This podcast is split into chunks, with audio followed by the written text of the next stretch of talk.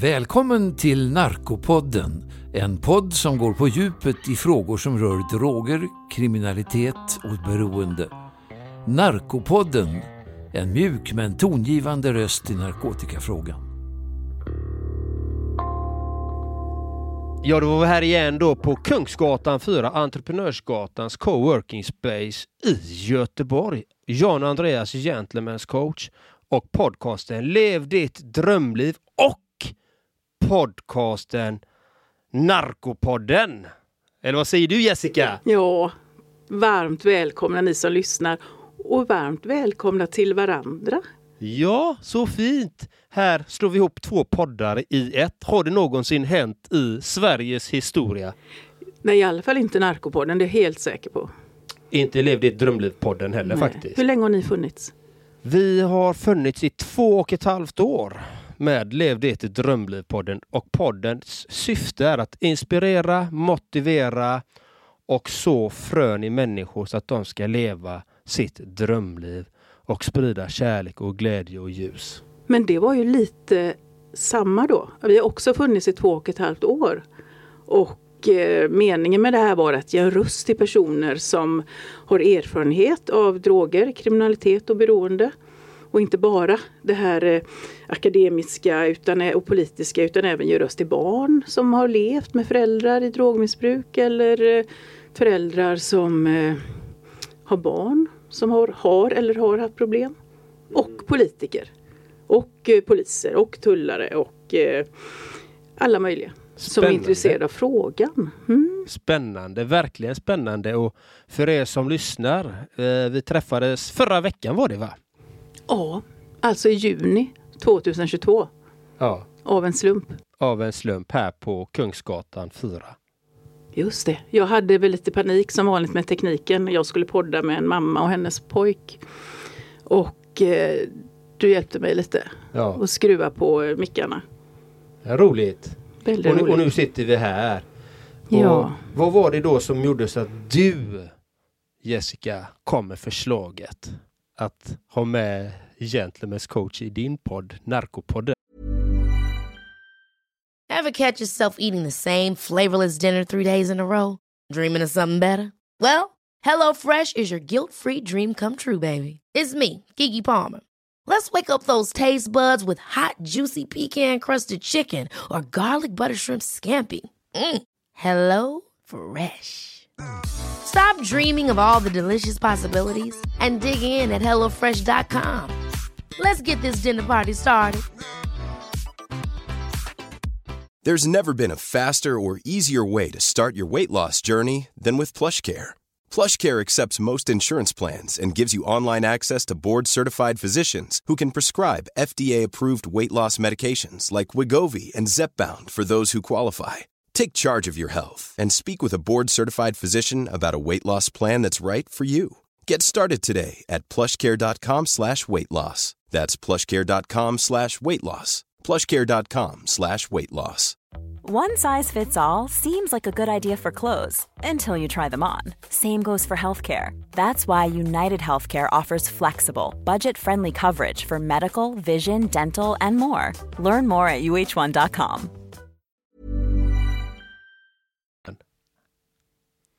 Jag visste ju vem du var. Hur visste du det?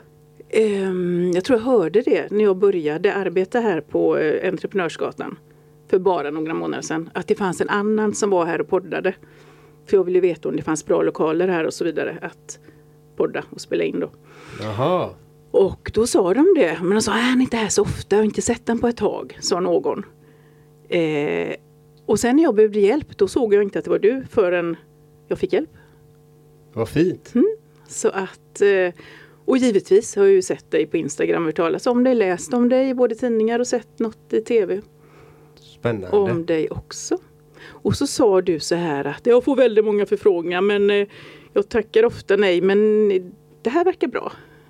Ja, och jag går ju oftast på min, eh, min instinkt, liksom, min känsla liksom att, eh, att göra det. Liksom. Och, det och det är ett viktigt, otroligt viktigt eh, budskap som jag tycker Narkopodden har.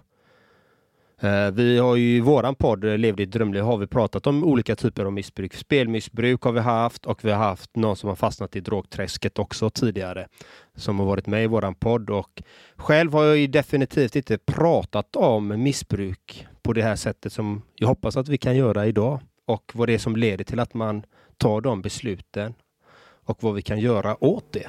Ja, för sa inte vi så här också att det är så viktigt att man når unga människor? Ja, det är ju min förhoppning att man ska nå många unga människor för att de är ju framtiden. Ja, och de är så värda det för de får väldigt mycket information. Eh, jo, men ungdomar idag får ju otroligt mycket budskap, mycket mer budskap än när jag var ung på 70-80-talet. Hur gammal är jag egentligen? Men 80-talet när jag var tonåring.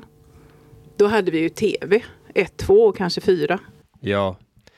Och, eh, nej men så som jag ser på det, jag är ju född på 70-talet och eh, eh, första gången jag såg droger live, det var förra året.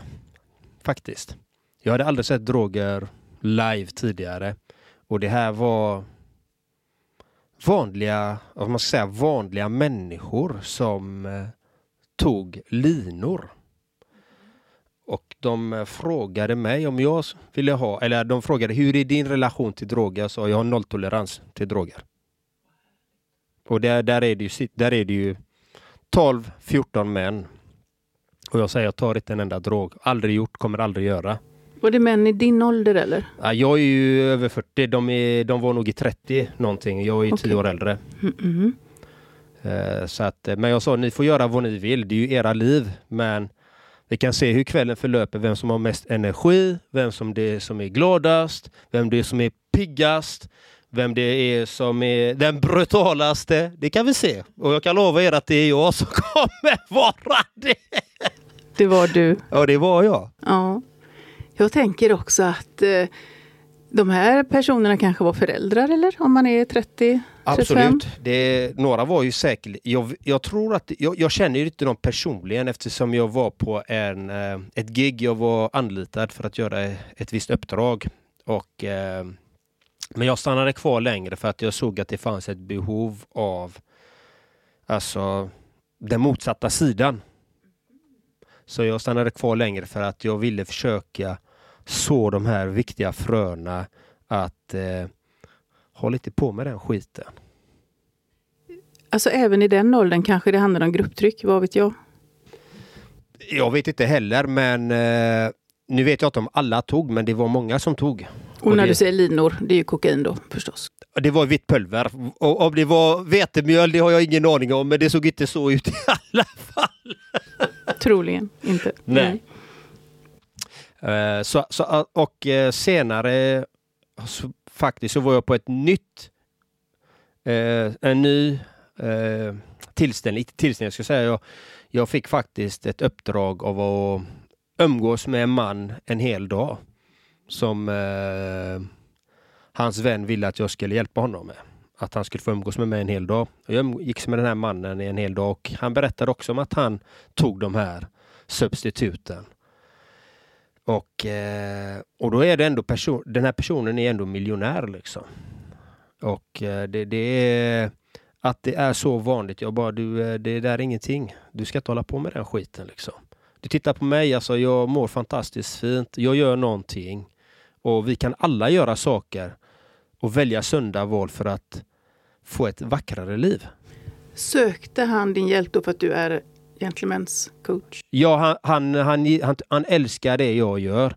Och hans vän då eh, köpte den tjänsten utav mig. Eller han frågade rättare sagt om jag kunde coacha honom och jag sa jag kan inte coacha någon som inte vill bli coachad. Utan de måste själva vilja komma till mig. De måste välja det. Och coaching är inte till för alla.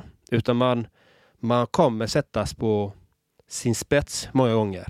Och det kan bli tufft att bli coachad för att jag kommer ifrågasätta många beteendemönster, kommer ifrågasätta deras identitet, varför de tänker som de tänker, varför de gör som de gör och varför de får de resultaten de får. Och då får de träffa dig och sen får de känna efter, är det här något för mig? Ja, Mm-mm. Och då är du ganska rak från början. jag är alltid rak. Mm, vad härligt. Ja. Ehm, och då finns det ju med andra ord då ganska så många eh, yngre medelålders personer idag som håller på med droger. Och den diskussionen jag hör allt oftare det är ju att ja men vi som klarar det, vi ska väl få göra det. Okej, om man tänker så. Men vad, vad, vi som klarar det, vad är det du sänder ut i samhället? Nummer ett, vilka är det som, eh, som säljer det till dig? Var kommer det ifrån? Alltså, använd hjärnan säger jag. Alltså, du sponsrar illegal verksamhet. Du sponsrar förtryck. Du sponsrar mord. Du sponsrar karteller. Det är det du gör när du tar de här drogerna. Det är inte att du tar bara en quick fix. Nej, du sponsrar du sponsrar trafficking, du sponsrar prostitution, du sponsrar så mycket mörka krafter. För några timmars eh, rus. Ja, och det är det du gör. Så du sa använd hjärnan, eller hur? Ja, mm. använd hjärnan. För hjärnan är ju något så unikt vi har, något så fantastiskt. Och det är faktiskt den enda kroppsdel du inte kan transplantera.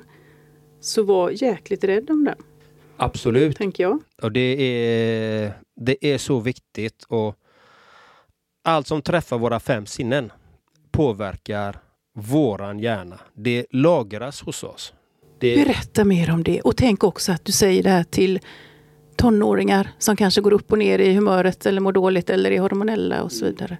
Om du är tonåring så fundera på, titta på det här. De du umgås med, det du tittar på, det du lyssnar på. Det påverkar dig. Omedvetet eller medvetet, det skapar ditt liv. Du kommer få resultat därefter. Så umgås du med sådana som håller på med droger så är det det som du matar ditt din hjärna med. Du matar den med de här sakerna. Är du med kriminella så matar du det. Är du med högpresterande idrottare, då är det det du matar ditt, din hjärna med. Är du med entreprenörer så är det det du matar din hjärna med. Är du med sådana som studerar flitigt, då är det det du matar din hjärna med. Och vad du tittar på, tittar du bara på hemska filmer, då är det det du matar din hjärna med. Eller så kan du titta på utvecklande program som gör så att du blir smartare, mer intelligent, tänker nytt, tänker stort. Då är det det du matar din hjärna med. Så det är så viktigt med vad du matar din hjärna med. Det är lika viktigt med hur du matar din kropp med maten som du matar din hjärna. Fasen vad bra du eh, förklarar tycker jag. Ja, tack. Eh, jag tänker också att det vi pratade om innan då, att när vi var unga så hade vi tv ungefär. Eh, och det du säger nu med att ungdomar matar sig gärna, de kan ju mata gärna med precis vad som helst ungefär via att man har tillgång till internet och alla har en telefon som de eh, kan få tillgång till det mesta. Mm. Och, och, det är samma sak där. Eh, om du allt det du, det du tittar på, det du lyssnar på, det skapar en känsla i dig. Och all, stort sett all marknadsföring är för att få dig att få ett visst beteendemönster så att du ska köpa en viss produkt. Punkt. That's it. Det är ju nästan som med narkotika då. Alltså, bli inte lurad brukar vi säga. Bli, försök att se igenom det här som du pratar om nu. Ja, och det är inte så lätt om man är ung. Men mitt tips till dig som är ung. Alla dina sociala medier. Avfölj alla konton som inte ger dig en positiv energi. Som får dig att bli smartare, intelligentare, eller hälsosammare. Radera alla de kontona, för du har inte tid med den skiten. Så brukar jag säga till mina klienter. Ja. Enklare sagt än gjort. Nej men absolut, jättebra tanke. Det är ungefär som man ska eh, rensa i eh, sin vänkrets. Där med personer som också tar mer än vad de ger eller drar energi. Eller, eh... Absolut, och det här är jätteviktigt. Vilka du umgås med. Så, det nämnde jag ju, men det är så otroligt viktigt för vissa kanske vill dig väl, men de sätter käppar i hjulet för dig fastän de inte vill det, men de kan göra det. Så det gäller att vara väldigt observant med vilka man har i sin närhet. För det är ju så här, de flesta har ju bra, för de flesta föräldrar är ju vettiga och eh, älskar förstås sina barn. En del visar det på olika sätt, men eh, i en viss ålder blir ju kompisarna viktigare. Och ja, det du har runt omkring dig utanför ditt hem. Mm. Ja, men ofta är det ju så. Min yngsta klient, han är ju, eller han, han är inte det nu, nu, han var 17 år när han kom till mig. Uh, han trivdes inte i skolan. Uh, det var en ganska fin skola här med uh, toppbetyg brukar de ha i den skolan här i Göteborg. Han trivdes inte, han ville sluta. Han vantrivdes i skolan, han hade inga vänner. Nu gick han ut. Alla A utom ett. Så att på två och ett halvt år vände han på sitt liv och frågade honom igår faktiskt. Vi hade ett möte igår. Hur, hur, eh, hur är skillnaden idag jämfört med med du kom? Jag har blivit en annan människa. För jag har haft en bra coachning och en bra mentor. Gud vad ryser. Kan du berätta lite mer vad handfasta råd han fick eller att jobba med sig själv eller hur? Eh, ja, alltså det, det är väldigt svårt att säga. Han hade ju, han hade ju väldigt höga uppsatta mål liksom och eh, han pluggade, han jobbade och han tränade. Det var det han gjorde. För han har ju höga ambitioner liksom. Han vill eh, någonstans, han vill bli jurist hoppas jag att han vill bli, för det var det som var målet nu. Men nu, är, nu, är han, nu har han så mycket bra betyg så han har mycket att välja mellan. Men vi får se. Han får besked här snart i dagarna här. Men allting är individuellt beroende på var man befinner sig någonstans, vad man har i bagaget, vad det är man behöver utveckla. Så att vi alla har olika saker i vårt bagage. Våran programmering som sagt. Precis och sen har vi olika uppväxter också. För du kan ju hamna, eh, födas på ett ställe där du kanske inte har något val egentligen, alltså vilket gäng du ska gå med i. Att det handlar mer om det än om du ska bli jurist eller eh, socionom, om man säger så. Lite förenklat, men jag menar, det kan vara en svårare start för en del personer beroende på hur man Abs växer upp. Absolut. Själv är jag uppvuxen i en förort i Göteborg. Eh, och eh, hur jag började med coaching var att eh, en barndomsvän träffade mig många år senare och då arbetade jag som elektriker och elkonsult. Han tog en annan väg i livet än vad jag gjorde. Han satt inne på kåken, drogmissbrukare. Och idag, många år senare, så, så är han ren. Och han kämpar varje dag och han har vänt på sitt liv på många aspekter.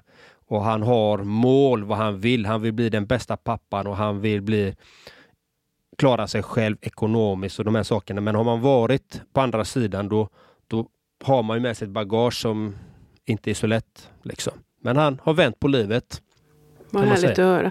För att du kan ha med dig ett bagage och du kan ha problem. Och så kanske man försöker ta genvägen att eh, trösta sig med droger. Men då har du ju ett problem till sen. För det är som du säger, man får jobba mot det varje dag när man lyckas bli fri från det i vuxenlivet. Alltså, det är väldigt bra att slippa just det problemet. För man har andra problem och det kommer nya problem i livet. Nej men så är livet. Alltså livet eh, är ju att vara människa är ju tufft. Det är ingen dans på rosor.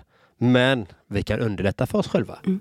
Kan vi inte rikta oss mot de här ungdomarna som som just nu kanske står i den här situationen att jag högstadiet är slut eller jag, det är sommarlov nu eller jag, eh, vilken väg ska jag välja? Ska jag, eh, vad ska man säga till dem? De kanske inte har en vettig vuxen eller de kanske inte lyssnar på sina föräldrar. De kanske heller lyssnar på dig. Eh.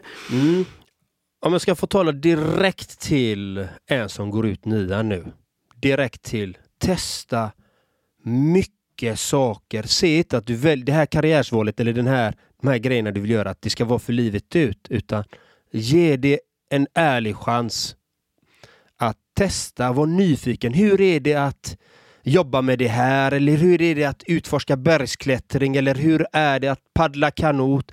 Eller hur är det att eh, praktisera på en juristbyrå? Hur, hur är det att göra de här sakerna? Att använda din nyfikenhet till att välja bra grejer inte grejer som gör så att du mår dåligt till exempel. För att få en quick fix. Ah, jag behöver ha stålar. Ah, jag säljer lite droger. Du kommer bli uppäten sen ändå. För att det du gör, det skapar dina resultat. Så umgås du med till exempel kriminella människor, då är sannolikheten större att du får ett skott i pannan till slut. Jag är helt ärlig och säger som det är. För det är många, jag har många historier. Jag hade en annan vän som skulle bli fotbollsproffs. Han blev inte det. Han hamnade med sprutor och fick sälja sig själv. Så det är du, går du ut nian nu, så testa roliga saker som är bra för dig. Som gör så att du kommer må bra. Och testa så mycket sådana saker som möjligt så att du lär dig det. För det är så du bygger på din erfarenhetsbank. Och du, helt plötsligt kanske du kan paddla kanot själv. Helt plötsligt kanske du kan gå på en vandring själv. Helt plötsligt kanske du kan klara dig i naturen själv. Helt plötsligt kanske du har lärt dig hur en jurist arbetar eller en polis eller en... Jag vet inte vad du vill, men testa. Testa grejer som är bra och sök upp människor som har gjort det här som du vill göra. Sök upp de människorna, titta vad är det de gör, hur gjorde de? Var nyfiken på livet. För du kan göra så otroligt mycket med ditt liv. För vi ser det så fortfarande nu, när, eller fortfarande när vi är vuxna, att när man vågar göra det där så ger det så mycket ringar på vattnet. För du träffar så underbara människor som du kanske aldrig hade träffat annars. Eller eh, du eh, lär dig saker om dig själv, du känner att du utvecklas och så vidare. Um, det är det ena. Och det andra är lite det du säger. Då kanske du kan kanota själv. Alltså, man måste faktiskt kunna umgås med sig själv också. Absolut. Alltså du, den du ska älska är dig själv och du behöver ge dig själv förutsättningar för att du ska kunna fungera optimalt. Och ha roligt också och kunna utvecklas som människa. För du, meningen är ju att du ska leva här. Du är på en äventyrsresa. Du ska ha äventyr men du får ha smarta val också. Inte bara hänga med polarna. Ja, det är en rolig fest där. Ja, det är en jätterolig fest. Men vad händer om jag är med på den här festen? Vilka är på den här festen? Vilka är på den här krogen? Vad är det för ställe? Använd hjärnan, säger jag återigen. Var selektiv med vad du gör. Som jag är med i den här podden, Narkopodden. Och eftersom det här är Narkopodden och Lev ditt drömliv så nu ska jag nu ska jag fråga ut Jessica i min tanke här nu. Vad är det Jessica gör då? Jag är ju tullare i grunden och det blev jag när jag var 20 år. Och jag har alltid älskat mitt arbete och att gå till jobbet. Jag har alltid tyckt om måndagar och så för att jobbet har varit så roligt och spännande. Bland, en bra blandning. Och vad gör en tullare då? För de som inte vet vad en tullare gör. Det finns ju massa olika arbetsuppgifter förstås. Det man tror om tullare, de man ser förhoppningsvis, det är ju tullare i eh, uniform då, som står och visiterar personer som kommer från utlandet. Och de är ju superviktiga, för de hittar ju drogerna eller om man smugglar in något annat som man inte får föra in i landet då. Eh, man kollar även export i vissa sammanhang, för det går ut mycket stöldgods och sådana här saker, kanske båtmotorer så här års och så. Eh, men dessutom jobbar ju tullen just med att ta in skatt och avgifter och så. Vi drar in miljoners miljarder varje år till statskassan i det. Så de arbetsuppgifterna är också jätteviktiga. Men jag halkade in ganska tidigt på något som kallas tullkrim. Och eh, där arbetar man ju både då med spaning, en särskild grupp gör det, med eh, utredning, alltså personer som håller förhör och så inför domstol och så, eller rättegångar och underrättelseverksamhet. Och det är ju det som är lite, vad är det som ska hända? Var ska vi vara någonstans i, idag, vi som är ute i uniformen? Var ska vi vara? Var kommer den mest intressanta trafiken eller de misstänkta eh, objekten då? Det låter jätteintressant och är du ungdom, varför inte praktisera på Tullverket kanske? Det låter ju hur intressant som helst. Sök tullen. Du kan även jobba som forensiker, alltså på att undersöka preparat, vad det är, alltså laboratoriemässigt. Då. Du kan jobba med narkotikahundar och ehm, eh, med säkert glömt något viktigt, alltså revision och sådana här saker. Men det är, om man gillar att jobba med och vill arbeta mot narkotika, då är det en fantastisk arbetsplats.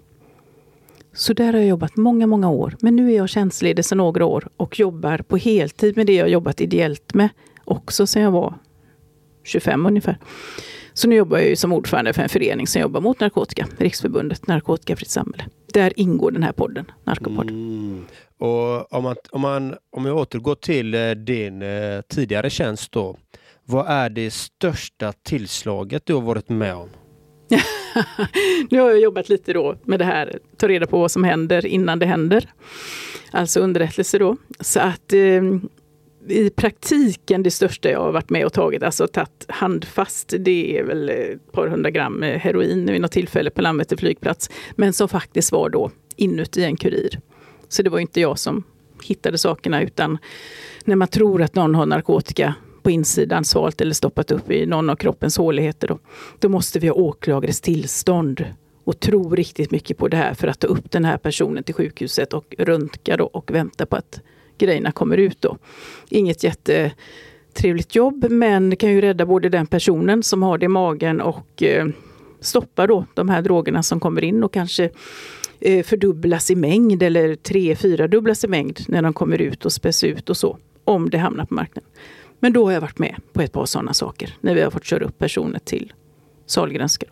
Det låter läskigt. Det är läskigt och ibland har det kommit personer som har saker de inte får ut och de själva ringer polis eller tull för att de håller på coola då. För att det läcker ju alltid lite grann och så är det de här, eh, vad det nu är, kondomer eller någon annan plastförpackning man har förpackat det här i då. Så det här är levande resväskor som utnyttjas av de här, till exempel killarna du pratar om då, som drar linor på festen. Och eh, det är, jag har även alltså sett när de här personerna skickas iväg på bussar till Norge och så. Det är, de ses som packåsnor av de som anlitar dem och det är för jäkligt att se på, av så många skäl. Så eh, är du ungdom och hör det här så tänk till och försök komma bort ifrån den där världen. Försök att inte vara i den världen. För att det kommer skapa ditt liv. Och du har så mycket framtid men man behöver göra jobbet. Du behöver göra det jobbet som krävs. det finns inga, och när jag säger det, det finns inga genvägar. Zlatan blev inte Zlatan bara för att han blev Zlatan. Där har du nummer ett. Han jobbar stenhårt. Han kämpade dag ut och dag in. Han hade tomt kylskåp etc. etc. Jag har själv haft tomt kylskåp. Jag vet vad jag snackar om. Man behöver göra jobbet. Det är så. Man kan klara av vad som helst. Men det viktiga är att veta vad du vill, ha ett mål i sikte och sikta på det. Vill du bli tullare, testa och ge det en chans. Vill du bli coach, testa och bli coach. Vill du bli en entreprenör, testa att bli en entreprenör. Vill du bli en äventyrare, testa att vara en äventyrare. Men gör någonting bra för dig själv och som kommer skapa bra för andra människor. Precis, och du kanske blir en ännu bättre coach eller eh, lärare eller något om du har gjort andra saker innan också. Exakt, och, och det är viktigt och det är därför jag personligen säger testa många saker, var nyfiken. Vet du inte vad du vill? Testa, testa, testa, testa, prova och se. Ja, oh, men det här var ju roligt. Ja, ah, okej. Okay. Och testa det över tid, inte en, två dagar, utan tills du lär dig hyfsat bra det som du vill lära dig. Och säga, ja men nu börjar det hända grejer. Det är då det börjar bli roligt också.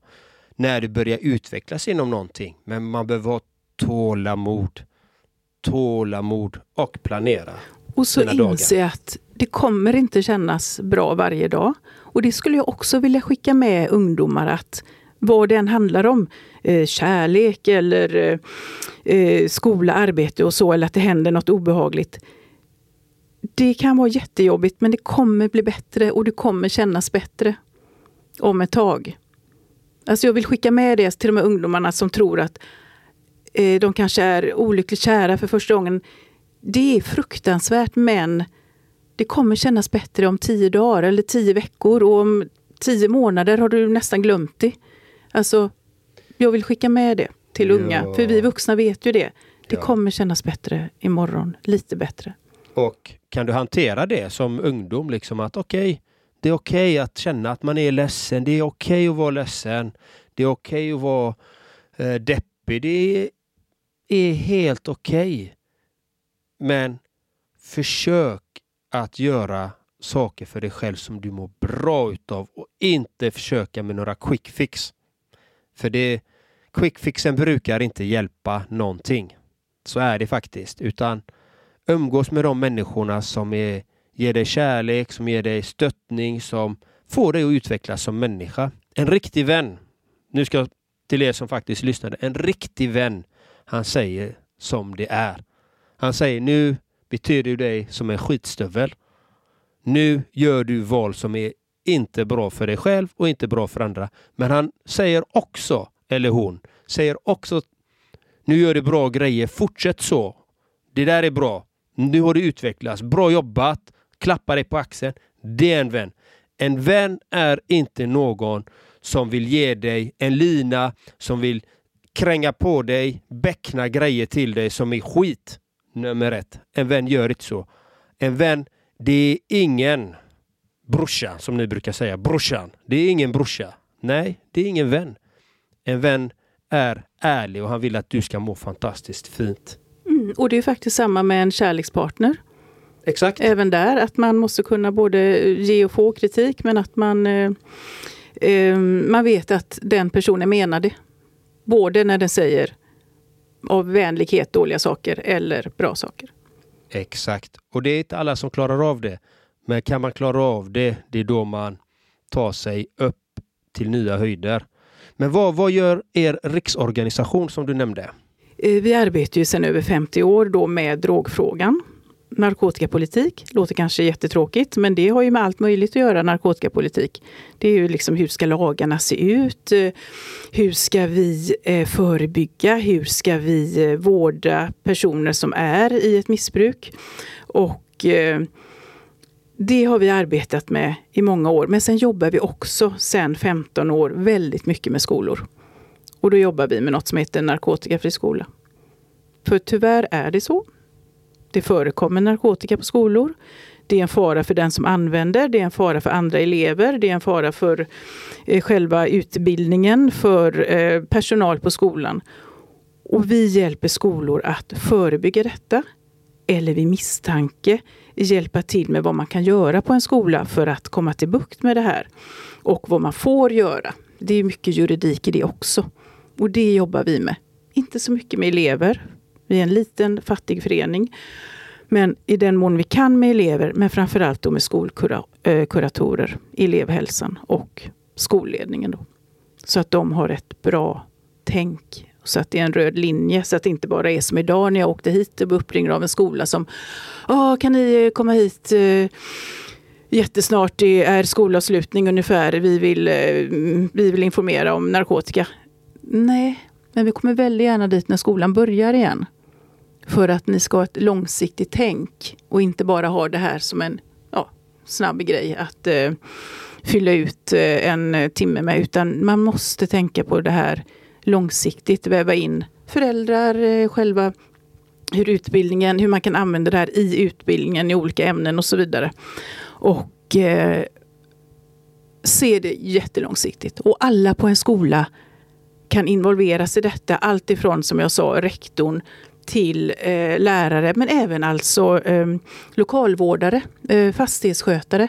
För de kan ju också vara med och kanske hitta grejer, gömmor eller eh, ja, men se på olika vis att det faktiskt används eller förvaras narkotika på skolor.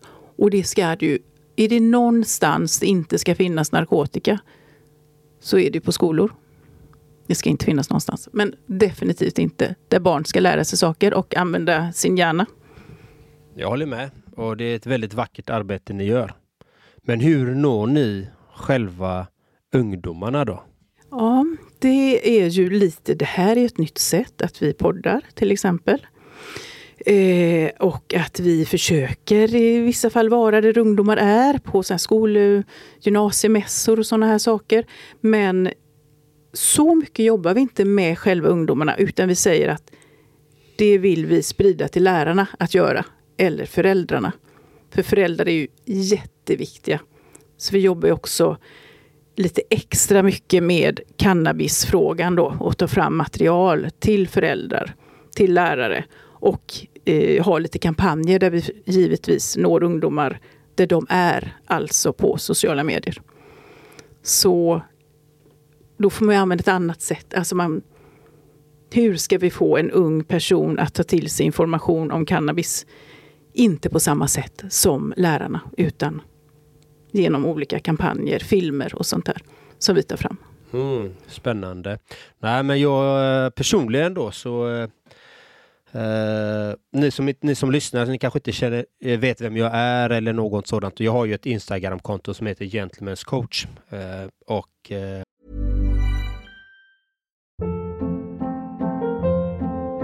Hold up. What was that? Boring. No flavor. That was as bad as those leftovers you ate all week. Kiki Palmer here, and it's time to say hello to something fresh and guilt-free. Hello Fresh. Jazz up dinner with pecan-crusted chicken or garlic butter shrimp scampi. Now that's music to my mouth. Hello Fresh. Let's get this dinner party started. Discover all the delicious possibilities at hellofresh.com.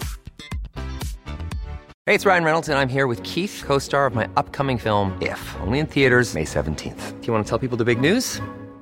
All right, I'll do it. Sign up now and you'll get unlimited for $15 a month in six months of Paramount Plus Essential Plan on us. Mintmobile.com slash switch. Upfront payment of $45 equivalent to $15 per month. Unlimited over 40 gigabytes per month. Face lower speeds. Videos at 480p. Active Mint customers by 531.24 get six months of Paramount Plus Essential Plan. Auto renews after six months. Offer ends May 31st, 2024. Separate Paramount Plus registration required. Terms and conditions apply if rated PG.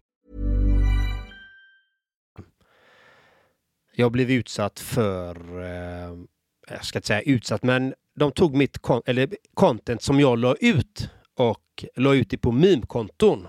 Vet du vad meme-konton är Jessica? Ja, för mina barn eh, är ju i 20-årsåldern, så de har ju förklarat för mig vad det är för någonting. Och det var nog där jag såg dig första gången. Ja, det var Men det! du, du kan nog förklara det bättre. Ja, eh, för er som inte vet vad ett meme är, men är ni ungdomar så vet ni vad ett meme är. Men för de föräldrar eller vuxna som hör, meme är någon... För, tänk så här, någon gör no har filmat dig och de tar dig ur ditt kontext och gör oftast narr av dig på något sätt. Det är ett meme. Så eh, 2020 blev jag Sveriges mest exponerade människa i memes. Och det innebär ju att hamnar man på det så blir det ju eftersom sociala medier har en snabb exponering och en snabb, ska man säga, snabb kommunikation. Så människor kommenterar ju otroligt snabbt där. Så det var ju många som kallade mig missbrukare, knarkare, pundare, tjacklinare.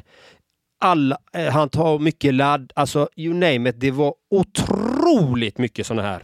Vilken smäll! Och jag visste inte vad ett meme var. Eh, så att jag blev ju bara, okej vad är det här liksom? Men det jag gjorde var att i början då, jag kunde inte hålla upp, hålla uppe det här, men jag kommenterade alla kommentarer som kom in på alla de här olika kontona. Gick in och kommenterade alla konton som hade nedvärderande kommentarer om mig, för de känner ju inte mig. Till exempel, har du, du är en tjackpundare som eh, röker på, och tar linor och allting. Då skriver jag, nej sån skit håller inte jag på med. Och jag hoppas verkligen inte att du gör det heller. Ha en fin dag. Och det gjorde jag, you name it, alltså det var hur många kommentarer som helst. Alltså det var så mycket. Men jag önskar alla en fin dag och jag önskar att de inte de håller på med den skiten. För det är skit. Och det är så. Det kan jag stå till för 100%. Det är skit. Jag har sett konsekvenserna av det. Och vi alla ser konsekvenser av det. Men det jag gjorde var att kommentera alla de här kommentarsfälten. Och det resulterade att jag gjorde en låt som heter Rätt ner i holken. Och det innebär att jag nämner upp så många droger jag kan och skicka dem rätt ner i holken och, och glöm inte att spola. Så det finns en låt ute på Spotify som heter Rätt ner i holken. Som är till för att inspirera de som fastnat i missbruk att inte hålla på med den skiten. Tramadol, svampen, syra, rätt ner i holken, rätt ner i holken. DHB, 2CB, LSD, rätt ner i holken, rätt ner i holken. Ketamin, amfetamin,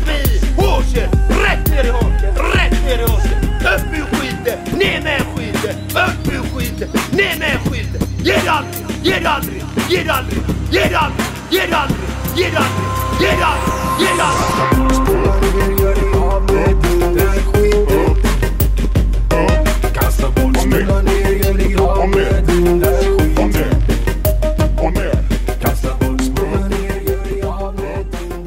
Det var som tusan. Men vad tusan, varför skrev de det? Jo, men det är så här. Nu ska jag, vi pratade ju om hjärnan tidigare, eller hur? Det vi exponeras för. Det, det som vi bildar vår verklighet. Det är det som syns i text. Så har de människorna oftast på något sätt förknippas med droger på något sätt så är det det de tänker på. Eh, har de varit med om psykisk, alltså fysisk misshandel så ser de kanske ser mig som en kvinnomisshandlare. Då skriver de det. Har de varit med om en psykopat och det är det de tänker på, då är det det de ser i, det som jag har gjort.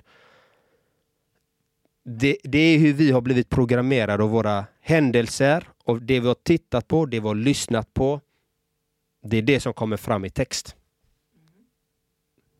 Men att bara komma på tanken då?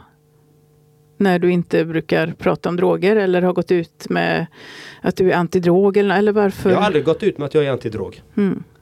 Men de bara... Exakt. För att det är deras programmering. Deras Jag synsätt. tror ibland att de är inte så många som man tror. De kanske har fler identiteter på sociala medier en del. Och eh, ofta är de anonyma. Mm, Och då är är, man väldigt tuff. Det råkar vi ut för också givetvis. Ehm, men hur tog du det rent i hjärtat? Eh, första gången, jag, jag är ju en som jobbar mycket mentalt och har gjort det mycket liksom och eh, det är ju min profession liksom. Eh, jag fick ju en eh, käftsmäll kan man säga. Jag fick en, fick, fick en klump i magen. Och jag fick analysera den, vad beror den på liksom. Och, och sen fick jag ju använda memesen till min fördel. Så jag använde memesen och la ut dem själv. De som var bra, för det fanns memes som var bra, som var roliga, som inte förknippades med något taskigt egentligen. Så jag använde de bästa memesen, la ut på mitt egna Instagramkonto. Då tänker jag så här, för att dagens ungdomar har ju en helt annan situation när det gäller mobbing och utsatthet än vad vi hade då innan internet. Alltså hur många ungdomar blir inte utsatta för trakasserier på nätet och vilken otäck känsla eftersom det går så snabbt, precis som du sa. Ja, och det gör det. Och, eh, men eftersom jag vet att mitt syfte rakt igenom är högre än allt det där. Jag vet vem jag är och jag vet vad jag står för och jag vet precis vad jag sysslar med. Så att det berör inte mig. Och man kan tänka, om man tittar på min Instagram och man ser, tar något klipp kan man tänka det här är en galning om man ser mig stå vid säcken. Men nästa sekund kanske jag ger en blombukett. Och nästa gång kanske jag pratar om ett djupt ämne. Nästa gång kanske jag visar att jag varit på en föreläsning och pratat om mjuka värden. Nästa gång kanske jag har varit i en skola och haft en Q&A. Eh, nästa gång kanske jag har gjort någonting annat. Nästa gång kanske det kommer ut en musiklåt. Jag har ju tio låtar på Spotify. Men det är ju det som är så roligt med dig. Det är ju roligare med personer som har olika, visar olika sidor, eller man ska säga. Ja, nej men det, det Och är jag. överraskar. Ja, men det är jag och jag vill visa att en människa har så mycket inom sig. Men det gäller att vara i kontakt med alla de sidorna. Det, det som jag vill. Jag vill att man ska vara sitt bästa jag. Och jag arbetar ju som livssyftecoach och det är att ta fram vem du är autentisk, vem du är född till att vara och hur du vill leva ditt liv. För att du pratar om bra vänner och du, den viktigaste vännen är ju nästan man själv. För det är alltid den du är med, vad som än händer. Yes, och är du inte din bästa vän, hur ska du då kunna finna en annan bästa vän? Precis. Eller partner. Ja. Det är jättelätt att man träffar fel för att man ska kompensera eller eh, får beröm av fel person eller mm, har behov av bekräftelse. Och det är inte så lätt. Det är hur vi blir programmerade som jag säger. Liksom att, och då behöver man ta tiden att stanna upp. Eh, kanske till och med alltså hamna, isolera sig själv medvetet på något sätt för att ta reda på vem jag är. Det är viktigt för att vi blir så programmerade i vårt samhälle på både gott och ont. Mm. Men om du tänker då att du är en 14-årig tjej eller kille och du är utsatt för trakasserier på nätet och det är jättesvårt att eh, samla sina tankar och känslor och eh, eh, det får dig att må dåligt och så. Det finns flera saker man kan göra, men hur kan man göra för att skydda sitt inre för att göra något av det så att det känns bättre? Om du är 14 år och du är med om trakasserier på sociala medier. Då, ta bort de sociala medierna, nummer ett. Det är ganska, ta bort dem. Det är ingen idé att ha dem. Eller blockera alla de här användarna som, som trakasserar dig. För det är inte du. Du är unik och du är magnifik och du är fantastisk. Och det ska du få vara. Du ska vara precis den människan du är. Men ingen ska behöva säga elaka saker till eller trycka ner dig. Så att blockera alla sådana och eh, kasta dem i papperskorgen. För du har inte tid med dem. Ta bort de sociala apparna helt enkelt. Eller är du, är du i skolan och utsatt, då är det en annat läge. Då får du titta på, eh, kan du konfrontera dem? Är du så stark? Eller har du sökt hjälp hos rektorer, lärare? Har det hjälpt? Har det inte hjälpt? Vad är nästa steg du kan göra då om inte det har hjälpt? Ja, byt skola. Punkt. Varför ska du byta skola om du är utsatt och du inte har fått den hjälpen du behöver? Nummer ett. Det är lättare att börja på ny kula att starta om sitt liv. Och varför säger jag det? Jo, det är det för att då kan du redan innan du börjar den nya skolan förbereda dig mentalt hur du ska vara, hur du vill vara och vad du vill åstadkomma. Då kan du mentalt redan skapa en plan för hur du vill ha det i den nya skolan. Och du kan, som jag sa, söka hjälp för det. Det finns coacher, det finns eh, syokons alltså i skolan, det finns olika mentorer, det finns mycket bra grejer på Youtube, Instagram, eh, TikTok säkert. Eh, det finns bra grejer som gör så att du blir starkare som människa om du är 14 år. Det är inte kört. Det är absolut inte kört. Du kan fixa precis vad du vill. Och när du är tre gånger så gammal så kommer du tänka att ja, men det var jobbigt, men det blev bra sen. Exakt. Lite tack vare mig själv, men också att man vågar. Du måste dela med dig till någon bra person. Mamma eller pappa eller någon du har förtroende för. Alltså, det blir så mycket lättare att dela med kompisar också, men gärna känner jag med en vuxen som eh, du tror kanske inte att de kan förstå det här, men de kan det. Du måste, du måste lätta ditt hjärta, känner jag. Ja, och det är jätteviktigt att våga visa vad det är som händer i livet. Det är en styrka att visa dina känslor för de som eh, bryr sig om dig. Liksom. Eller för någon som du har förtroende för. Och, eh, men det gäller att faktiskt våga göra det, för det är bara där du kan få en förändring. Ska aldrig tillåta dig själv att bli nedtryckt av någon. Ska vi rikta oss lite till dem också som är taskiga mot andra? Medvetet eller halvomedvetet? Det har vi väl alla varit på något sätt i vår uppväxt, men alltså att det kan hänga kvar länge. Även att man har skadat någon. Mm. Ja, alltså har man skadat någon medveten så är man ändå omedveten. För en som verkligen är medveten kommer inte skada någon. Det, så enkelt är det. För är du verkligen med, har du skadat någon medveten så är du ändå omedveten.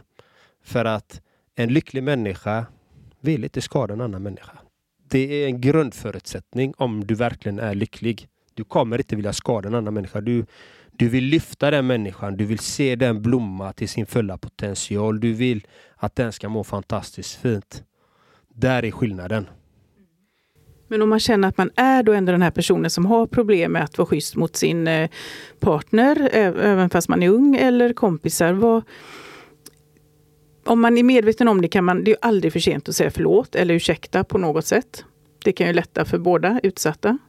Absolut, det är aldrig för sent att vända på sin bana. Jag, nu coachade jag ju, en, eller jag coachar en man som eh, han är, han är nästan två meter, väger 1,20. Han jobbar på byggen. Han har alltid kämpat med aggression. Så han har ju, han har familj. Han är ju varm, men han tänder till. Han blir arg, han kan till och med slå ner folk liksom. Men det går, om han kan ändra på det genom coaching så allting är möjligt. Så att, men det handlar ju om att du ska bli medveten om dina beteenden. Var kommer de ifrån? Hans beteende kommer ifrån hans far som var sån. Där har vi programmeringen. Det är det han har lärt sig. Och genom att man blir medveten om varför du agerar som du agerar. Det är där du kan göra skillnaden. Det, går inte, det oftast går det inte på en dag utan det är steg för steg, steg för steg, steg för steg. Myrsteg ibland, ibland blir det kvantsteg beroende på var man är någonstans. Så att är du en sådan person som mobbar andra eller så här, då har du alltid valmöjligheten att be om ursäkt och att göra annorlunda. Vad bra och vilken tjänst han gör sig själv och sin omgivning att han tar hjälp. Ja, det är helt otroligt och han trodde ju att coaching var hömflum. Liksom. Eh, och det var hans fru som hörde ett radioavsnitt med mig liksom, som sa du får ta kontakt med honom nu. Och han har gjort ett hästjobb. Alltså det, det är så, så fantastiskt kul. Alltså han mår ju så mycket bättre. Och jag blir så glad när jag hör sånt. Ja, så är man i en, en relation som inte är bra för en, som man mår dåligt i. Man kanske har föräldrar som faktiskt slår en eller, eller att man har en partner som slår en.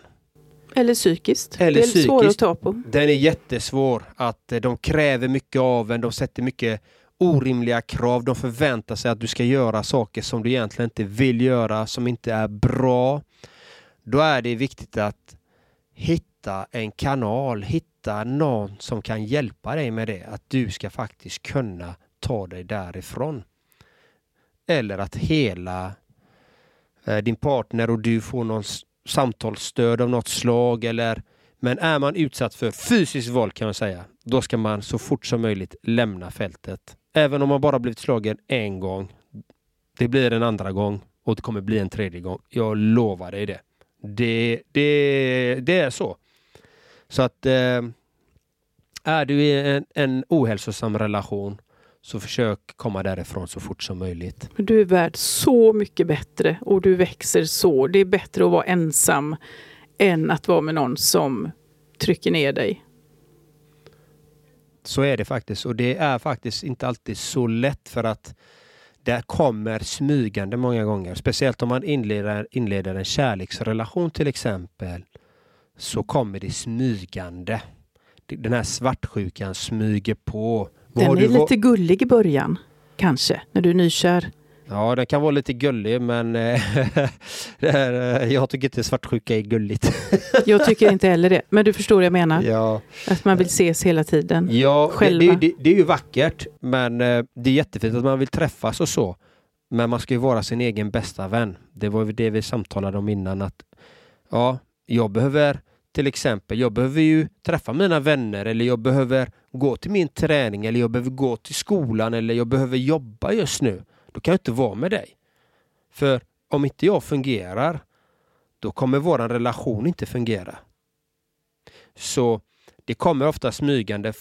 Ja, men kan du inte vara hemma nu eller, eller så har de ett kontrollbehov. Vem var det du träffade där? Och det tror jag inte på. Så att man får små signaler tills man får första smällen eller att man har blivit så manipulerad så att man inte vet vilket ben man ska stå på. Man kanske slutar umgås med sina kompisar för de är ett hot mot partnern. Ja, eller så kan det bli att man faktiskt tar avstånd från sin egna familj, vilket jag personligen själv har gjort. Uh, hade inte kontakt med min familj på tio år. På Och är grund av en partner alltså. Ja, jag blev...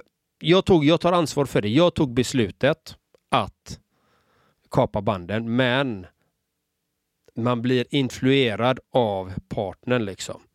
Att eh, ja, men dina föräldrar de är inte bra eller de här de gör så och så, det är inte bra och du ska inte träffa dem, de trycker ner dig och så här. Istället för att ha en öppen kommunikation. Jag tror det är vanligt för att om du har en kontrollerande partner och det inte finns en vänkrets eller familj i omgivningen längre, då är du ganska ensam när du gör slut, om du vill och vågar göra slut. Ja, och, det, är ju en del i det hela. Ja, och eh, som vi nämnde tidigare i Narkopodden och Lev ditt drömliv-podden här, att då är det bättre att vara ensam. För det gäller att omge sig med människor som stöttar en, som får en att växa. Det är de människorna man ska vara med. Verkligen. Människor som stöttar dig, som ser dig, som är ärliga mot dig och eh, som inte håller på med kriminalitet eller droger och som själva mår bra. Då blir du en jättebra vänskap eller partner. Ja. Eller förälder till dina barn. Ja, och har du inga sådana, då gäller det att, som jag nämnde tidigare, välj vilka sociala medier du är inne på och välj de kontona som faktiskt inspirerar dig till att göra det du vill göra. Gillar du, gillar du fotboll? Ja, men följ en speciell fotbollsspelare då. Gillar du eh, en artist som är bra?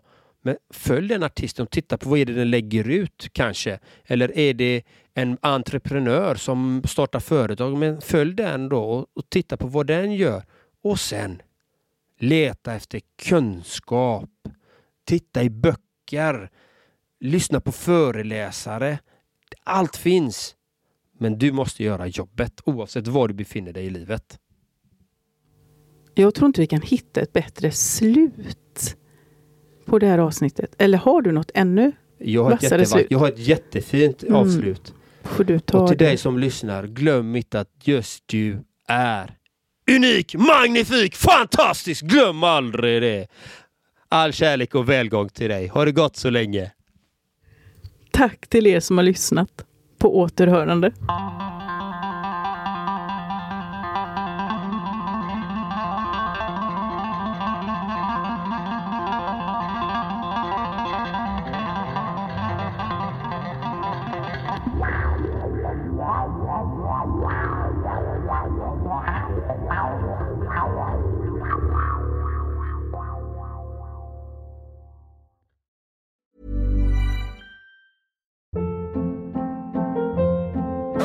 Hold up. What was that? Boring. No flavor. That was as bad as those leftovers you ate all week. Kiki Palmer here, and it's time to say hello to something fresh and guilt-free. Hello Fresh. Jazz up dinner with pecan-crusted chicken or garlic butter shrimp scampi. Now that's music to my mouth. Hello Fresh. Let's get this dinner party started. Discover all the delicious possibilities at hellofresh.com.